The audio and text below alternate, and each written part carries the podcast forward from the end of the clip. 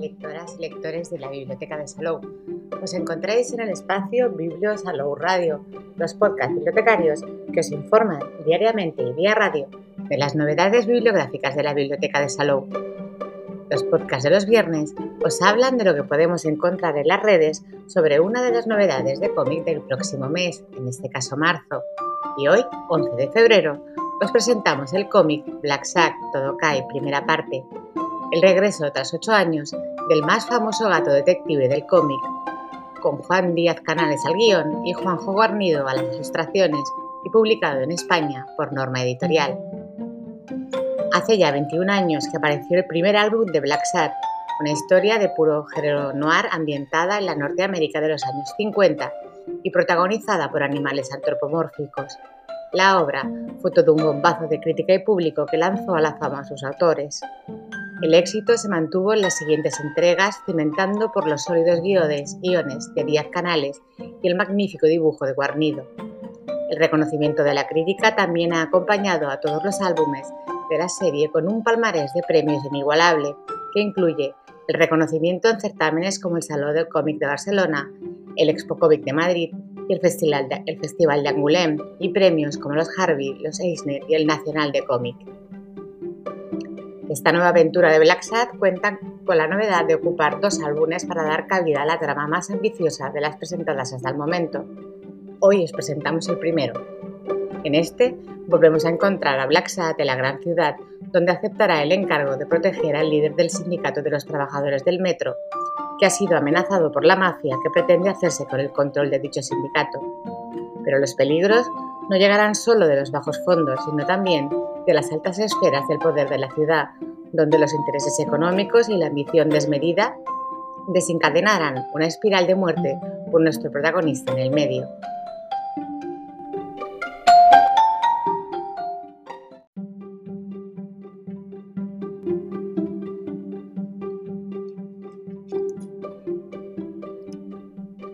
La reseña de su contraportada podemos leer el ansiado regreso de un icono mundial del cómic.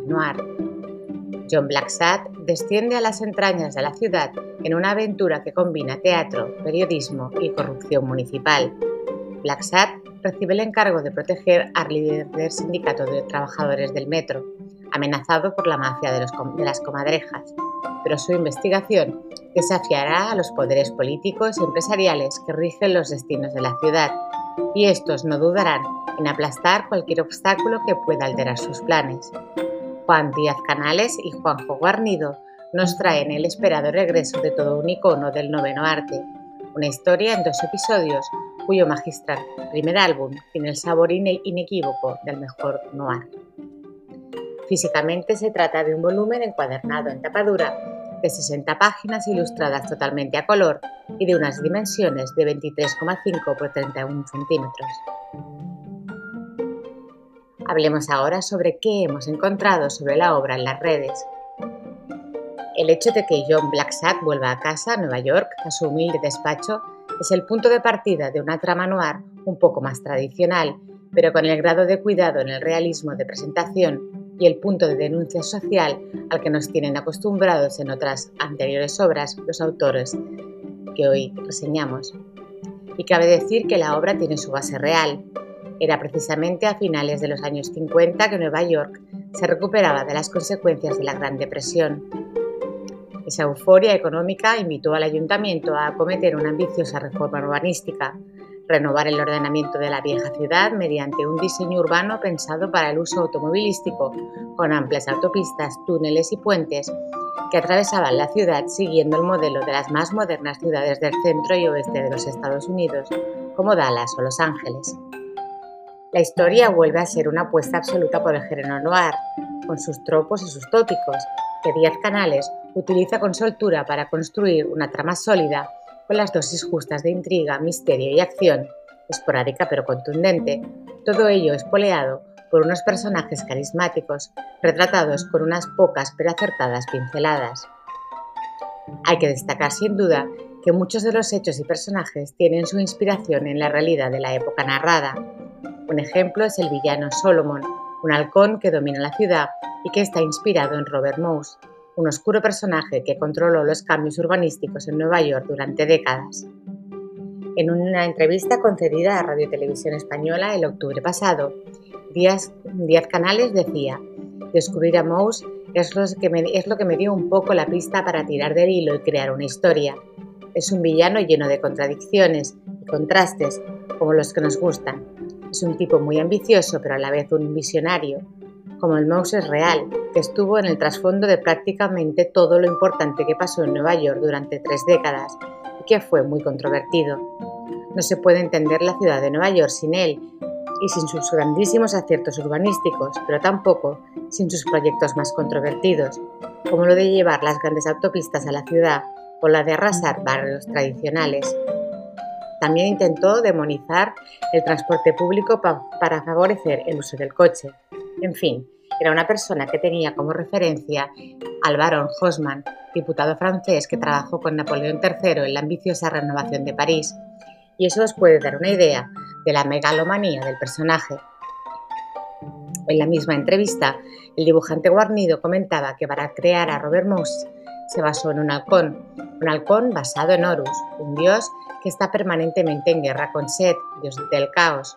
No olvidemos que hablamos del ordenamiento urbanístico, que cuenta con una herramienta poderosa para ganar esa guerra, el Wadjet, ojo de, ojo de Horus, un artefacto que sustituye a uno de sus ojos naturales y que le da el poder de verlo y hacerlo todo, tanto en el plano del mundo de los vivos como en el mundo de los muertos.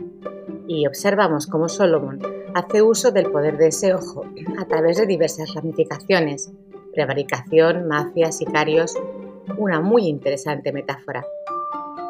Guarnido comentaba al respecto, este villano tenía que ser un halcón peregrino, una rapaz, porque su aspecto ya da una idea de la altura del poder en el que se mueve. No vuela, pero tiene una especie de ingravidez, como si volara por encima de la ciudad y de los demás personajes. Pasea por las alturas con las manos en la espalda, como si nunca se fuera a caer o a resbalar. Siempre pensamos mucho qué animal va a ser cada personaje. Nunca es gratuito, ya sea por tener por hacer referencia a las fábulas clásicas o a la literatura popular. Incluso nos inspiramos en la Biblia o los dibujos animados y los cómics. Por ejemplo, tenemos un personaje que se llama Logan, por cierto mutante con garras, y cuando los lectores captan por qué lo hacemos, creo que lo disfrutan mucho. Otro de los nuevos personajes es un murciélago sindicalista acosado por la mafia, que también se inspira en un personaje histórico. Nos basamos en Jimmy Hoffa, el famoso sindicalista norteamericano, desaparecido en 1975 y cuyo asesinato sigue sin resolver. Pero lo que hacemos es escoger los aspectos de su vida que cuadre con la historia que queremos contar. Nunca pretendemos hacer un retrato histórico de ningún personaje concreto, cuentan 10 canales. Y por las páginas de Todo Cae también os encontraréis a otros personajes reconocidos de la historia, como el cantante Sammy Davis Jr., que aparece tocando en la mansión de un personaje que sería un, un el famoso editor de Playboy. Es un retrato de esa época que arropa bastante la credibilidad de la serie, añade el guionista.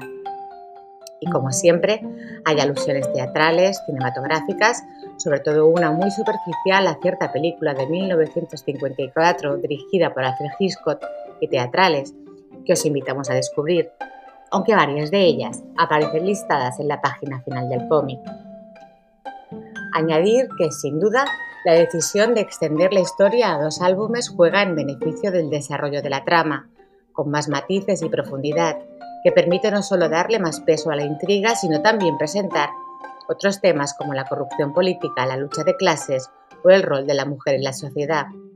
Esto corrige algunos de los defectos de otros álbumes como Amarillo, donde la sucesión constante de situaciones permitía solo una vista superficial de las ideas y personajes presentados.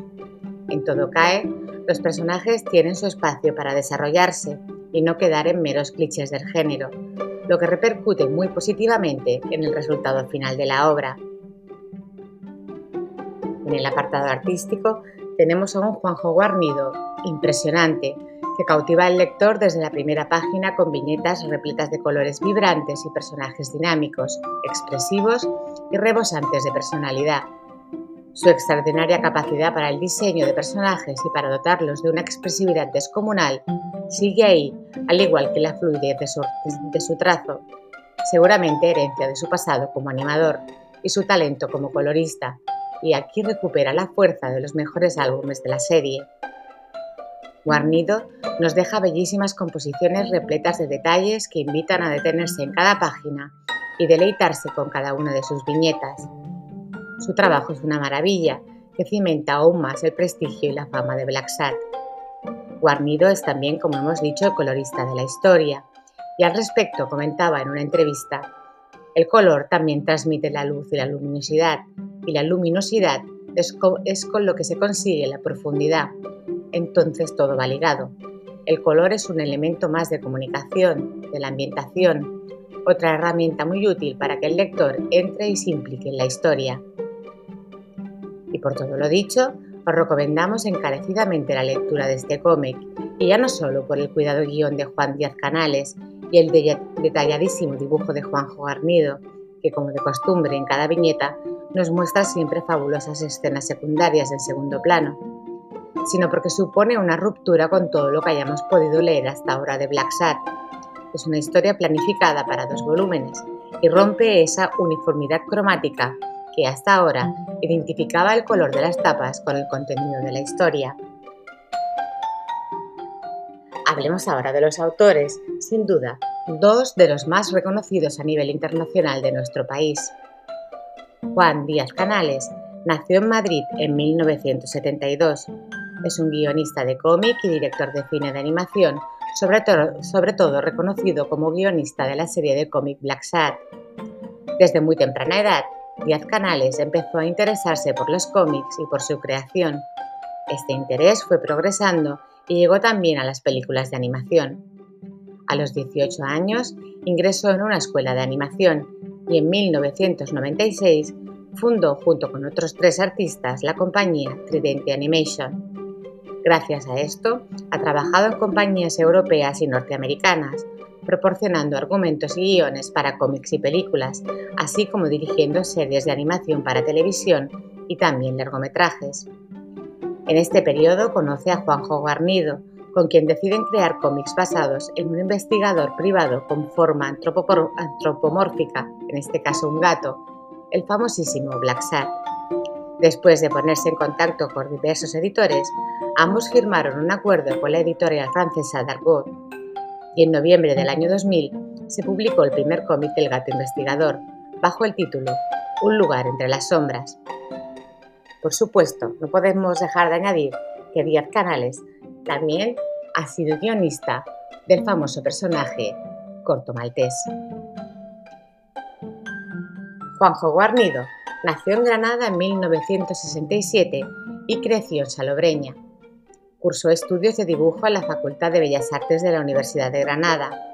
Sus primeros trabajos en el mundo del cómic fueron dibujos para diversos fanzines y para Comics Forum. En la década de los 90 trabajó en el campo de la industria de los dibujos animados. Animó, por ejemplo, a Leopardo Sabor en la película Tarzán de Walt Disney o a Hades en la película Hércules. Antes, había trabajado haciendo storyboards y diseños para películas de animación como Tintín, Sonic y La Pantera Rosa en un estudio de animación en Madrid. Como hemos dicho anteriormente, en el año 2000, Juanjo Guarnido empieza a trabajar junto al guionista Juan Díaz Canales en la producción de Black Sat para la editorial francesa Dargaud y su fama como ilustrador creció de forma exponencial creación a creación. Los hemos buscado en las redes y Juan Díaz Canales tiene blog propio, reyes-y-poetas.blogspot.com. No tiene página en Facebook, tampoco en Instagram, aunque bajo el hashtag Juan Díaz Canales encontraréis muchas de sus ilustraciones y tampoco lo encontraréis en Twitter. Juanjo Guarnido no tiene web ni blog propios, sí página en Facebook con su mismo nombre y en Instagram como arroba Juanjo Guarnido, todo junto y en minúsculas, no así en Twitter, donde no está presente. De ambos autores os recomendamos visitar el web blacksackmania.com, aunque en francés es un deleite para los fans de ambos autores y del personaje Black Sat. En el catálogo Atena de las Bibliotecas Públicas de Cataluña podéis encontrar numerosas obras de ambos autores. En el Bibliocat está presente la obra Cómo viaja el agua, guionizada e ilustrada por Juan Díaz Canales. De Juanjo Guarnido no hay ninguna obra. En fin, Black Sad, Todo cae, es el retorno a la grandeza de uno de los personajes y de las series de banda de cine mejores de la historia, realizada por dos autores en estado de gracia que nos vuelven a brindar un magnífico ejercicio de género negro, con un momento culminante final que hace ansiar al final de la entrega. Esperemos pues que no tarde otros, otros ocho años en llegar. Y hasta aquí el podcast de hoy, pero tenemos más novedades de cómic que iremos descubriendo los viernes. Que tengáis muy buen día y muy buenas lecturas que os acompañen en el día a día.